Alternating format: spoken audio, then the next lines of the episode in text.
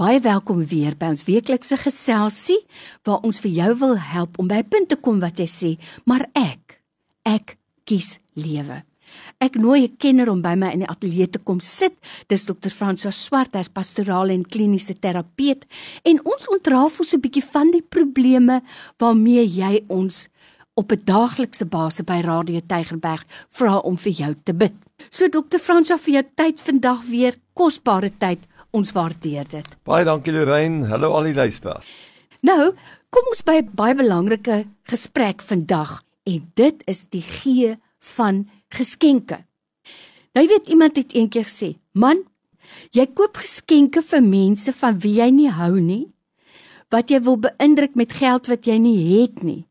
Die gee van geskenke, moet dit my altyd 'n fortuin kos? Wat lê agter? Dit is 'n lekker vraag en Lorraine, dis goed dat ek en jy bietjie daaroor praat en ek hoop regtig die luisteraars dink bietjie saam met ons. Hoekom gee ons vir mekaar geskenke? Dis tog 'n sein. Dis 'n manier hoe jy jou waardering uitspreek tot 'n persoon.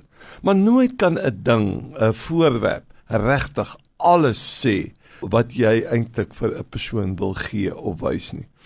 En daarom dink ek ons moet weer gaan dink oor ons geskenke. Ons diergeskenke, is dit regtig nodig? Is 'n diergeskenke 'n indikasie van hoe lief jy regtig 'n persoon het? Of gaan 'n geskenk daaroor dat dit 'n simbool is van iets diepes wat besig is om tussen jou en daardie persoon af te speel? En daarom Ons het 'n wonderlike gebruik. Ek dink Hoeka, dit is een van my skoondogters wat dit vir ons kom leer het. Uh as dit Kersfeestyd kom, so gee ons mekaar klein geskenkies. Jy moet twee geskenkies bring, een geskenkie vir 'n man en een vir 'n vrou en dit moet nie meer as R20 wees of R25 nie. Dis 'n klein geskenkie. Wat kan jy vir R20-30 koop? Maak dit op en ons sit dit alles onder die kersboom en dan is daar 'n speletjie wat ons speel en jy kan kies watter geskenk jy kan vat en jy maak dit oop. Dis 'n klein geskenkie, maar die samesyn mm. om die geskenkie oop te maak, te sê dankie dat jy aan my gedink het. Dankie vir die sein wat gekom het en dan te praat oor die lewe en oor ons verhouding en hoekom ek vir jou die geskenk gee. Nie omdat dit so baie kos nie, maar net omdat ek daardie vir jou wil kom sê ek het aan jou gedink toe ek dit gekies het. Geniet dit vir daai oomblik. Dit is baie meer kosbaar. Kan ek so afsluit? Wat vir my verstommend is altyd van kinders. Omdat ons as ouers so lief is vir ons kinders, koop ons vir hulle die duurste geskenke en en goed. En dan na hulle verjaarsdag kom jy in die kamer en dan lê die vragmotortjie daar wat jy gekoop het of die dier speelding. En ek het agtergekom met daai kinders, die goed wat hulle eintlik die lekkerste mee speel, is baie keer 'n goedkoop ding, 'n houtblok of 'n ding wat jy dink maar dit beteken nie veel nie. Ek dink toe ons kinders op die plaas was, het ons baie keer met 'n stok en 'n band baie lekkerder gespeel as met ons eie fiets mm. om dit te rol of 'n draadkar of wat ook al.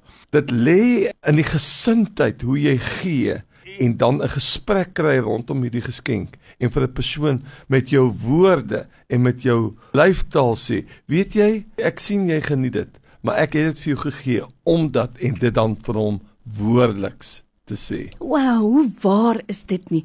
En jy weet Franswa, ek dink baie keer om byvoorbeeld, nou net 'n voorbeeld, 'n tertbak te gaan koop.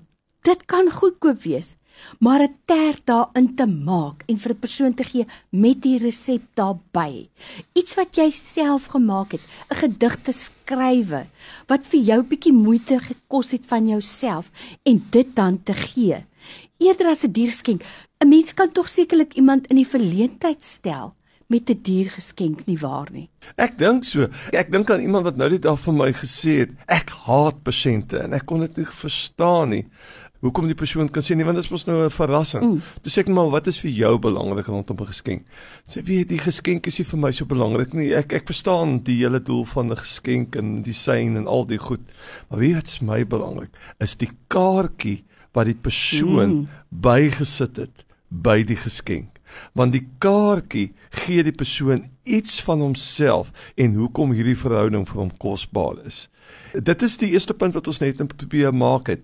'n Persent is min of meer 'n simbool, 'n fisiese ding wat daar lê, maar agter dit sit daar 'n stukkie emosie, sit daar iets van jouself wat jy baie keer in 'n mooi kaartjie kan deurgee. As ek in my Bybel kyk, baie keer ek al die kaartjies wat ek kry, baie keer van 'n geskenk. Dis die goed wat ek weer lees wat vir my baie beteken. Dan's die geskenk al lankal weg want daar's iets van die persoon se self in daai kaartjie. By my in die ateljee vandag Dr. François Swart en ons praat met jou oor die gee van geskenke. Eweneens belangrik vir my is die dankie sê agterna. Jy weet en daar moet ons sommer al amper wil ek sê babatjie tyd vir kinders leer. Weet soveel van ons bejaarde luisteraars het al vir my SMS'e gestuur dan sê hulle Ek het vir die klein kind elke maand van my sassa geldjies weggesit. Dit was vir my moeilik en 'n geskenk gee en ek het nie eers 'n dankie gekry nie. Ek is seker die kind was dankbaar. Maar ons as ouers moet seker tog van babatjie tyd af vir kinders leer. Kom ons sê gou vir ouma dankie. Wat is 'n praktiese manier hoe ouers vir kinders dankbaarheid kan leer? Dankbaarheid. Ai, dit is seker ons grootste roeping wat die Here vir ons gegee het, dat ons elke dag 'n lewe van dankbaarheid moet uitstraal. Ek dink dit is 'n ding wat 'n mens van kleintyd vir jou kinders moet sê ek is nou 'n uh, oupa ook al op hierdie stadium en ek kry my dat ek die hele tyd vir die kleinkind sê, "Hoe sê jy vir mamma? Mm. Hoe sê jy vir mamma?" Ek dink deur herhaling, ek dink groot ouers kan 'n rol speel om te kom sê, "Sê dankie." Hoe doen jy dit ten opsigte van jou eie vrou terwyl jou kinders kyk? As sy vir jou jou kos neersit, sê jy Al is jy al 40 jaar met haar getroud, sê jy nog elke keer vir haar dankie. Elke keer as 'n man vir jou by 'n deur op sy staan, sê jy dankie. Is dankie deel van jou persoonlikheid? Ons kan nie die woord dankie te veel gebruik nie. En daarom in ons algemene omgang met mekaar, moet ons baie meer konsentreer om vir mekaar te sê dankie, hoorbaar of met jou hand in die verkeer mm. te wys. Dankie dat jy my eerste laat ry. Jy kan maar eerste ry eh, om hande op te tel, 'n vingertjie op te wys, 'n duim op te wys en te sê ek waardeer jou. Nou dat ons deesdae op Zoom platforms is, baie dankie vir die gesprek en jou duim te wys vir die persoon. Ek dink dit is 'n leefstyl wat 'n mens die heeltyd mekaar op bedag moet maak. En vir die kinders altyd te vra, veral as jy in die bed sit, sê vir my, Wat is daar waarvoor jy dankbaar is? Kan jy vir my drie goedjies noem waarvoor jy dankbaar is wat vandag met jou gebeur het? Dat dit deel word van ons spiritualiteit en die manier hoe ons elke dag afsluit. Sjoe, en dit altyd vir kinders weer terug te bring na die groot geskenk wat ons almal ontvang het. Dis ook in die gees van Kersfees. En Kersfees is op pad. So ek dink mense moet net weer 'n bietjie kreatief raak.